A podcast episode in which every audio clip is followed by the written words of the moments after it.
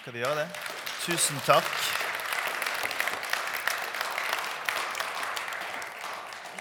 Alt jeg husker, er at dere er vennegjengen, men alle stedsnavnene de glapp for meg. altså. Jeg husker Ulefoss, men eh, de andre husker det sikkert, de som er fra Telemark. Eh, virkelig fint å få lov til å komme hit til Evangeliehuset i eh, Porsgrunn. Tusen takk for eh, muligheten til å komme, Trond. Eh, jeg er jo veldig glad for eh, glad for alt det denne menigheten her har eh, gjort opp gjennom årene. Bl.a. sendt oss eh, Mari Kristine Algrøy i Bergen, som er vår eh, barne- og familiepastor. Vi, hun er forrykende flink, altså. Så det kommer veldig mye godt fra dette huset. Så da tenkte jeg, siden jeg er i dette området, da må jeg få komme innom. Og så har jeg hatt Peter i kirken i Bergen. Og Heidi, som er er svigerdattera deres. Og så kjenner jo vi hverandre sånn litt etter hvert her. Jeg er bergenser, og det betyr at når jeg snakker, så snakker jeg vanligvis veldig fort. Eh, Men siden jeg er på Østlandet nå, så forsøker jeg å sakte ned farten. Men det kommer ikke til å gå veldig bra. Så, så forstår dere hva jeg sier? Det går greit. Jeg ser på deg bortest der til venstre. Hvis du hjelper meg, og så ser jeg på noen bortest der. Og så nikker dere og sånn. Hvis det går for sakte, så bare klør dere dere bare i hodet, eller noe sånt, så får jeg et hint. For de av dere som ikke kjenner meg, altså, så er jeg, da en helt vanlig eh, trebarnsfar fra Bergen som startet en menighet som heter Salt. Den het Bergenskirken i 2004. da vi startet den. Men så bestemte vi oss for at vi skulle starte en ny menighet i Trondheim. Og da tenkte vi ingen kommer til Bergenskirken i Trondheim. Så da la vi på dette lille fornavnet. Eh, og så For to år siden, noen måneder før pandemien begynte, så eh, begynte jeg som leder for Pinsebevegelsens lederråd. Og nå sa du det korrekt, Trond, eh, Trond, her, at det er lederrådet jeg er leder for. Selv om de fleste sier at jeg leder pinsebevegelsen i Norge, og journalistene skriver det, så retter jeg dem og så sier jeg jeg tar ikke ansvaret for alt som skjer i pinsebevegelsen i Norge. Så ikke si at jeg leder hele, hele opplegget. Det gjør jeg ikke.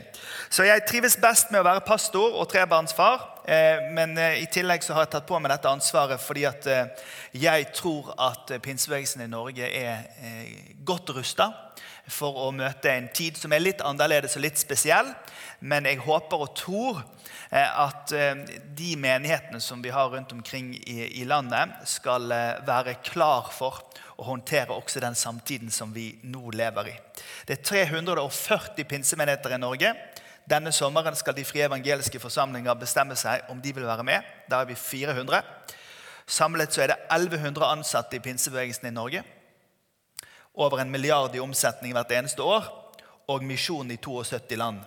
Så det er ikke lite det vi holder på med i pinsebevegelsen i Norge.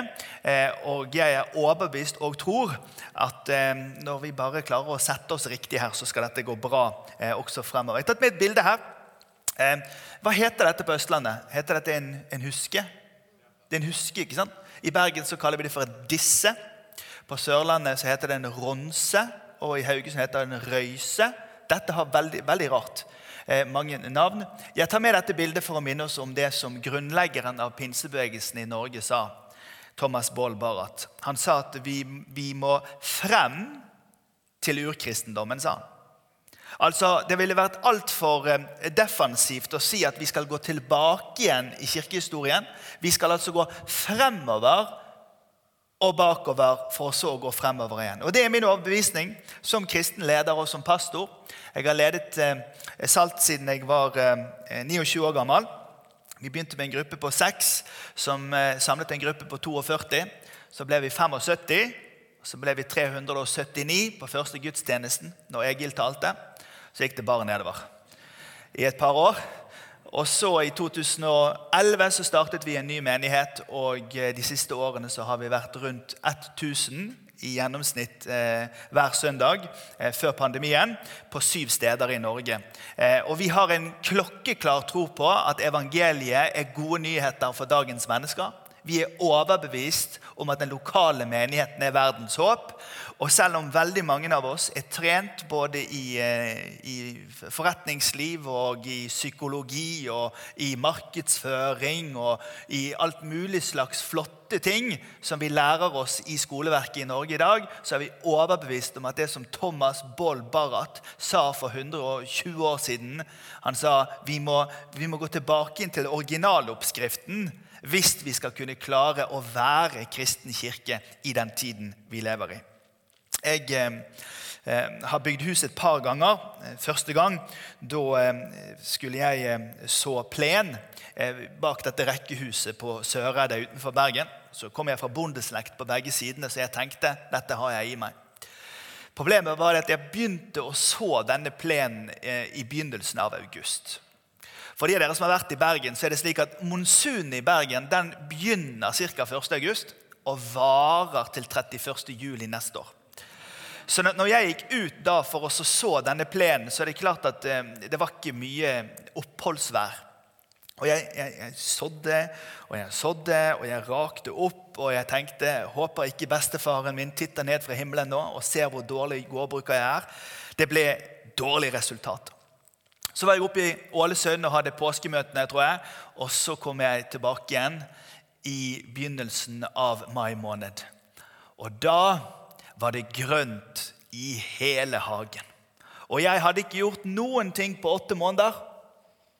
Men det som skjedde, var at alle frøene som lå i jorden, de hadde nå åpnet seg opp fordi solen sto høyt på himmelen, og frøene tok til seg næring, og det vokste. Jesus fikk spørsmålet I Markus kapittel 4 så får han spørsmålet hvordan er det med Guds rike. Hvordan vokser Guds rike? Og Så sier eh, Jesus at med Guds rike så er det slik. Det er som en mann som går ut for å så. Og Han sår såkornene i jorden, men han vet ikke hvordan det går til. Men etter en stund så vokser det. Og Jeg trøster oss alle sammen med disse ordene. Guds rike går frem ved at vi sår evangeliet om Jesus Kristus også til mennesker i dag. Det står ikke noe sted det vi synger i barnesangen, at vi skal bygge Guds rike. Det står snarere i Guds ord at vi skal søke Guds rike. For hvis det var på skuldrene til forstanderen at forstanderen skal bygge Guds rike, da hadde ingen av oss klart det. Det hadde ikke sykepleieren eller ingeniøren eller arbeideren som er engasjert kristent heller. Vi er ikke kalt til å bygge Guds rike. Han skal bygge sin menighet, og vi skal søke Hans rike. For når vi søker Hans rike villig og frivillig, så er det Han som tar tak i våre små liv, og så bygger Han kirken gjennom livene våre. I dette finner jeg stor trøst. Det står i Apostlenes gjerninger kapittel 2, og vi leser denne teksten sammen. De holdt seg trofast til apostlenes lære og til fellesskapet. Til brødsbrytelsen og til bønnene. Hver og en ble grepet av ærefrykt, og mange og under og tegn ble gjort av apostlene. Alle de troende holdt sammen, og de hadde alt felles. De solgte eiendommene sine og delte ut det de ellers eide. Det delte de ut til alle etter hvert som hver enkelt trengte det. Hver dag holdt de trofast sammen på tempelplassen, og i hjemmene brøt de brødet og spiste sammen med oppriktig og hjertelig glede. De sang og de lovpriste Gud, og de var godt likt av hele folket. Hver dag la Herren til nye som lot seg frelse.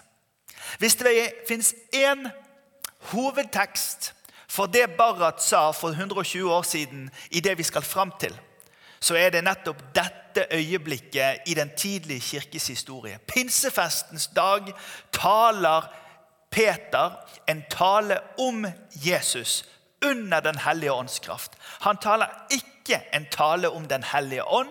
Han taler en tale om Jesus under Den hellige ånds kraft. På et språk som gjør at alle som er til stede, forstår hva han sier. Og mange av dem blir grepet i hjertet, de omvender seg, og de blir med i den tidlige første kirke. Dette bildet dere av kirken, det er det bildet vi må måle oss mot i den tiden vi nå lever. Og Jeg har måttet håndtere kritikken opp igjennom årene. Ja, nå er det sånn kul menighet. Nå er det sånn livsstilstips de preker. Ja, Nå er det sånn god markedsføring. Ja, det er vel alt det i musikken. Og alle disse anklagene har vi måttet håndtere opp gjennom alle disse årene. Men jeg har vært like tydelig fra første dag som jeg er i dag. Jeg tror at veien for å bygge en levende Guds menighet i Norge i dag, oppskriften til å gjøre det, ligger i den boka som heter Bibelen, og den ligger i den DNA-en som ligger i den tidlige kristne kirke. Dette som står her. Så det som jeg ønsker å gjøre i løpet av de neste minuttene, det er å åpne opp denne teksten og vise hva er det dette betyr for oss eh, i dag. dere. Dette er et menneske. Dette er gjerne Petter fra Porsgrunn eller Sara fra Skien eller Børge fra Bamble. Tenk på en person i ditt liv. Du og jeg vi lever i en tid hvor vi bruker dette begrepet individualisme veldig mye. Vi bruker det noen ganger som et eh, litt sånn nedlatende ord om at vi lever i en veldig individualistisk tid. Vi er veldig individualistiske, og vi gjør bare det vi selv eh, vil. Og ja, det er riktig. For det er det vi er blitt opplært til i denne delen av verden de siste hundre årene. De siste hundre årene så har vi løst oss fra familienærhet. Eh, hvis far var skomaker, så blir ikke sønnen skomaker. Hvis eh, far var, eh, var, ingeniør, så blir ikke barnet nødvendigvis ingeniør. Vi, vi har brutt med historien fra gamle dager av det familien vår holder på med. Det skal vi holde på med. Der hvor familien vår bor, der skal vi bo. Det familien vår tror, det skal vi også tro. Vi har brutt med den måten å tenke på i Norge og i den vestlige verden de siste hundre årene. Så ja, konsekvensen er at vi alle sammen er i aller større, større grad alene i dag enn det vi var før. Vet du, Over halvparten av eh, eh, de som bor eh, i Norge i voksen alder, bor alene. Byene våre formes i dag av at veldig mange av oss skal bo alene i store deler av livet vårt. Det er måten vi bygger husene våre på, måten vi bygger leilighetene våre på. Hele samfunnet er gjennomgående strukturert opp til at vi i all, hovedsak skal klare oss selv. Smarttelefonen, når den kom for eh, tolv år siden, så kan man se at eh, psykisk helse blant spesielt unge mennesker og negativ psykisk helse gikk rett i været på en kurve. Fordi at plutselig så er sammenligningen og sjalusien og konkurransen og alt dette i lommen på hver enkelt av oss. Mitt spørsmål til deg er tenk hvis den personen som er helt alene i dag, heller kan få lov til å komme inn i et kristent fellesskap. Hva skjer med et menneske? Hva skjer med Børge? Hva skjer med Sara? Hva skjer med Petter hvis vedkommende kommer inn i et fellesskap som har noen tydelige verdier? Det første vi ser, er at i den tidlige kristne kirke så vektla man apostlenes lære. Og Som leder for lederrådet i pinsebevegelsen i Norge så er det mitt privilegium å få lov til å løfte opp det at vi er en bibelforkynnende menighetsbevegelse. Vi kan finne veldig mye klokt som vi kan snakke om i faglitteraturen eller i mediene, men vi tror av hele vårt hjerte at Guds ord er Guds levende ord. Og Det betyr at det som står i den boka, det er det Gud ønsker å si i dag. Det vil si at Min oppgave som forkynner, eller Trond sin oppgave når han er forkynner, det er å ta det som ordet sier, og løfte det opp på en slik måte at det når gjennom i forkynnelsen til mennesker i dag. Du kan høre gjennom podkastene som ligger på Salt sin nettside gjennom de 18 årene jeg har ledet den menigheten. De fleste årene har jeg prekt 42 av søndagene, forberedt et nytt budskap til hver eneste søndag. og Det begynner alltid med en bibeltekst, og bibelteksten åpner jeg opp slik at det ikke var gjermetaler som forkynnes, men det er det Guds ord sier som forkynnes. For jeg er overbevist om at Hans ord er levende og virkekraftig. Det er sterkere enn noe tvegende sverd. Det, det dømmer hjertets tanker og råd. Guds ord ord er Guds levende ord også i kunnskapssamfunnet Norge. Og Hvis det er én ting vi har, så er det nettopp det å forkynne Guds ord klinkende klart. For det skjer ikke på noe annet arena i samfunnet vårt. Der fins mye flottere kulturtilstelninger enn det vi klarer å få til. Det fins mange flottere kor enn det vi klarer å få til. Våre grafiske produksjoner er ikke så fete som de andre sine, men det vi har, det kan vi gi. Og det er Guds levende ord i vår samtid. Og Når vi ser på de kirkene i verden, i den vestlige verden også, som faktisk går frem og vokser, så er det de som løfter frem Guds ord. Kirker som liberaliserer forholdet til Guds ord, eller utvider Guds ords grenser og klarhet så det er ugjenkjennelig, de kirkene vokser ikke. Snarere det er en måte å tømme kirken på og slutte å forkynne ordet.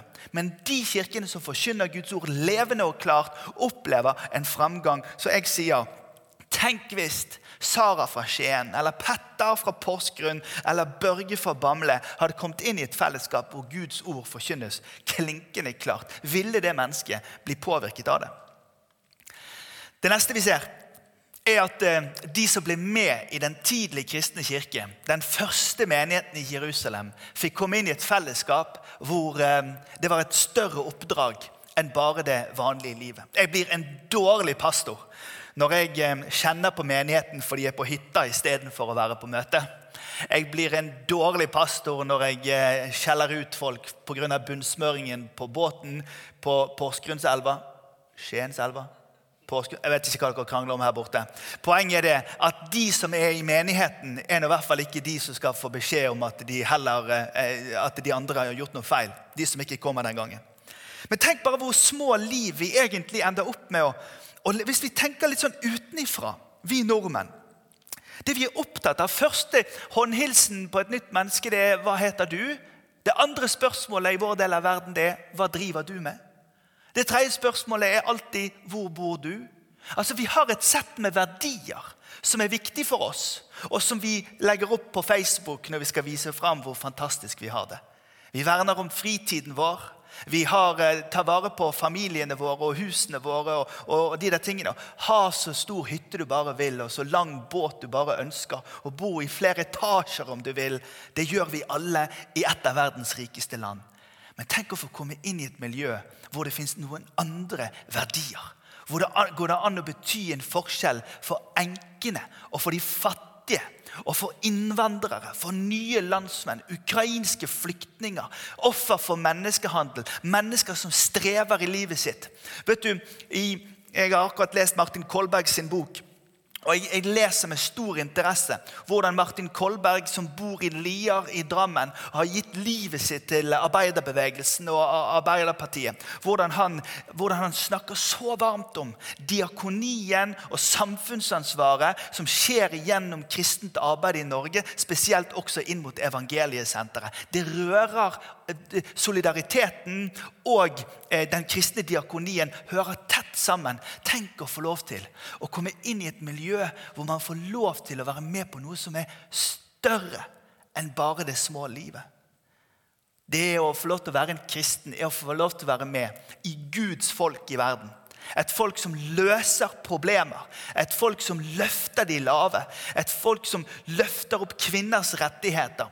Og Dag Inge Ulstein, som er med i kirken vår i Bergen, jeg hadde han akkurat inne på et webinar for pinsepastorene. og Han sier at 80 eh, av all eh, nødhjelp i Afrika skjer gjennom kirkene. Man kan ikke jobbe i Afrika uten å forstå religionens plass i Afrika. Og Så sitter vi her oppe ved iskanten til Nordpolen og tenker at vi har skjønt det meste.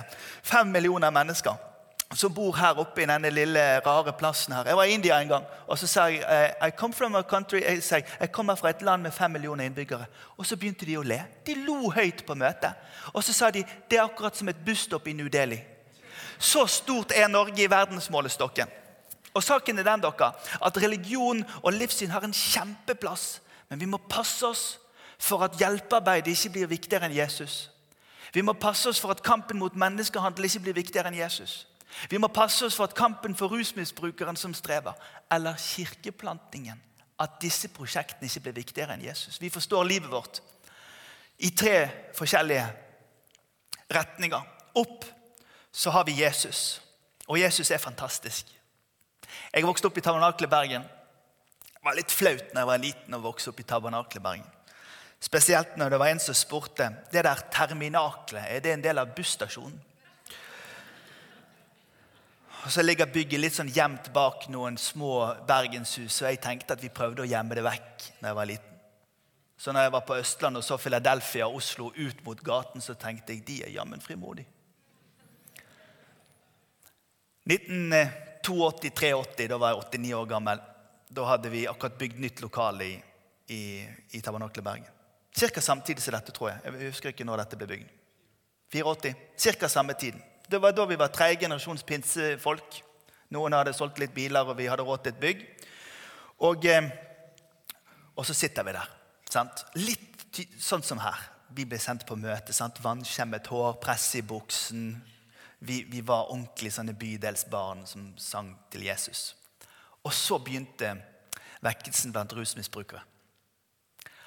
Og Kirken vår i Bergen i Bergen, hadde mange inntakssenter. Det tok helt av. altså. Og De kom på møtene, og vi syntes det var litt underholdende at de sa jo amen og halleluja på feil sted. Så når forkynneren sa ja, da går du like til fortapelsen, så sa de amen! Sant? Og vi syntes det var så gøy. Og så, også når vi sang, så sang de så rart. De sang så surt og feil. Og så har jeg skjønt at nå når jeg har blitt voksen, så var jo det de som sang reint.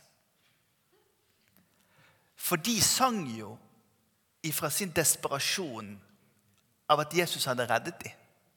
At Jesus hadde gitt dem et nytt liv. At de hadde fått en ny sjanse i livet.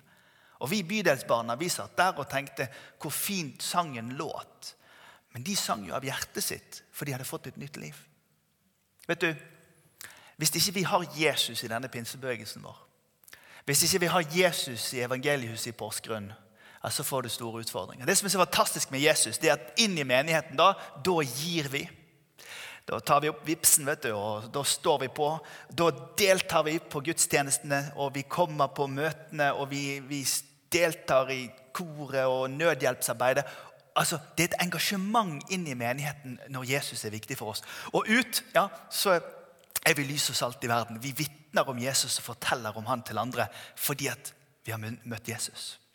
Og Nå har jo jeg gledet en, en menighet som den er sikkert ikke kjent for alle dere her, men det er veldig mange som ringer til oss og spør hvordan gjør dere sånn?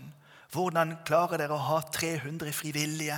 Hvordan klarte dere å kjøpe et bygg for titalls av millioner av kroner?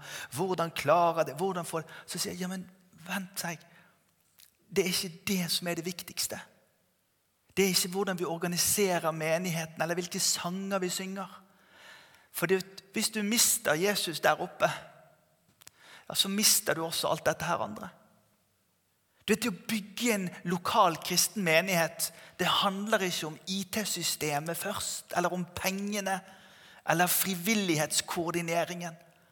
Det vi snakker om på hverdagen, handler ikke om å ha med en traktat eller ha Egil Svartdal på TV. Det begynner på ingen som helst måte med måten vi evner å organisere oss anslaget og engasjementet for menighetslivet i dette landet, det begynner med vår kjærlighet til Jesus. Og Jeg sier det her og jeg sier det alle steder jeg besøker, og det er ikke rent få. Vi etter denne pandemien trenger å samles om Jesus. Vi trenger å få hjertene våre varmet igjen. Vi trenger å kjenne at vi er ønsket og villet og, og, og, og har fått nåde hos Jesus. For når hjertene blir varme, ja, da går det godt med menighetene også. Og går det godt med menighetene, ja, da tør vi å fortelle om Jesus utenfor. Tenk på Sara. Tenk på Petter. Tenk på Børge. Tenk på din venn. Som er fortalt at hun skal klare seg helt alene, men nå plutselig er et miljø hvor Guds ord forkynnes. Hvor man er med på et oppdrag som er større, men ikke nok med det, men også får lov til å være med i et kristent fellesskap. Fellesskapet er et sted hvor vi griper troen. Vi, vi, vi er ikke gode nok på å snakke om hvordan livssynet vårt er preget av de menneskene vi er rundt. Jeg husker jeg var innom her en gang på en PBU-konferanse. Da var jeg ikke gamle karen. I dette bygget. Det var stappfullt. Og så Ungdomsgruppen var oppå her, og det var sikkert 1000 ungdommer i denne menigheten. Og jeg tenkte at Disse på Østlandet de er mye kulere enn de på Vestlandet. Og de er helt tørre i håret, for det har ikke regnet der på lenge. Og, og, var, og jeg tenkte det, Tenk å få lov til å være med i et, et kristent. Tenk hvor mange av oss som har grepet troen i fellesskapet med de som er rundt oss. En av de viktigste hovedelementene i hvordan vi har bygget Salt gjennom disse årene i Bergen, er gjennom smågruppene som vi eh, har. Vi har 130 smågrupper rundt omkring i hjemmene, som ledes av 130 smågruppeledere, som sørger for at i deres stue så åpnes Bibelen opp. Så ber vi for og med hverandre, og så hjelper vi hverandre å holde hverandre på sporet i det kristne fellesskapet. Men så er det sånn hos oss, som det sikkert er her, at det alltid er noen som skal gi seg eller bli litt sur eller bli litt vanskelig. Jeg hadde en som ble litt sur og vanskelig. Og jeg visste at han og konen hadde vært med i to menigheter før de kom til vår. De hadde vært der noen år. Og så eh, sa de nå skal vi, vi er ikke helt enige i hvordan det er her, så vi, vi skal slutte nå. Og da sa jeg til dem kanskje, sa jeg, er det sånn denne gangen bør dere vurdere om fellesskapet er viktigere enn deres meninger.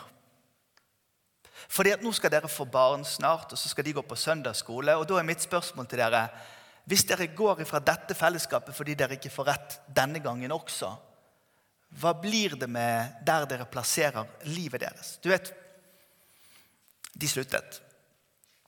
Men en av de vanligste måtene å løse problemer i Norge på, det er å slutte. Eller å flytte. Eller å plante tujahekk. Det kan godt være dere ikke har det samme forhold til tujahekk som jeg har, men tujahekk under sur nedbør fra Nord-England på Vestlandet Jeg forteller deg, du kan, du kan, du kan du, Planter du en tujahekk til naboen din, det kan godt være du ikke ser henne igjen før Jesus kommer tilbake. Fordi at når den der kjeglen først har reist seg opp mot himmelen, opp i ozonlagene der, så er det en vegg mot naboen, og du ser han aldri igjen. Men det er det vi nordmenn som oftest gjør. Vi gjør det i konfliktene på arbeidsplassen, vi gjør det i konfliktene i nabolaget, også i familiene våre. Men tenk at Jesus har kommet til verden med et forsoningens budskap fordi at vi skal være et forsoningens folk. Tenk at vi har fått muligheten til å i en tid som sier vi alle sammen skal klare oss helt selv, så sier, så sier Jesus at vi er hans folk. At vi er hans familie. At vi er Kristi kropp. Og Brevene i Det nye testamentet gir oss et innsyn i at folk var da sånn som vi er nå. Vi er litt sære. Vi har litt meninger. Vi kommer ikke alltid overens. Men det er som Erna Solberg sier, vår tidligere statsminister, og som hun også sa når hun kom på besøk til oss i menigheten vår. Det mest fantastiske med den kristne troen er at det fins tilgivelse. Tilgivelse er det fineste med den kristne troen. Og Nå lever vi i en tid av sterk polarisering, sterk kamp mellom mennesker. Du en, er du en politiker og du har glemt en kvittering eller gjort noe gærent, om det så er 20, 25, 30, 40 år siden. All, rettferdigheten skal seire. Jeg mener ikke noen ting om det. Men det fins en sånn en hardhet i samfunnsdebatten i dag. En, en utilgivelse.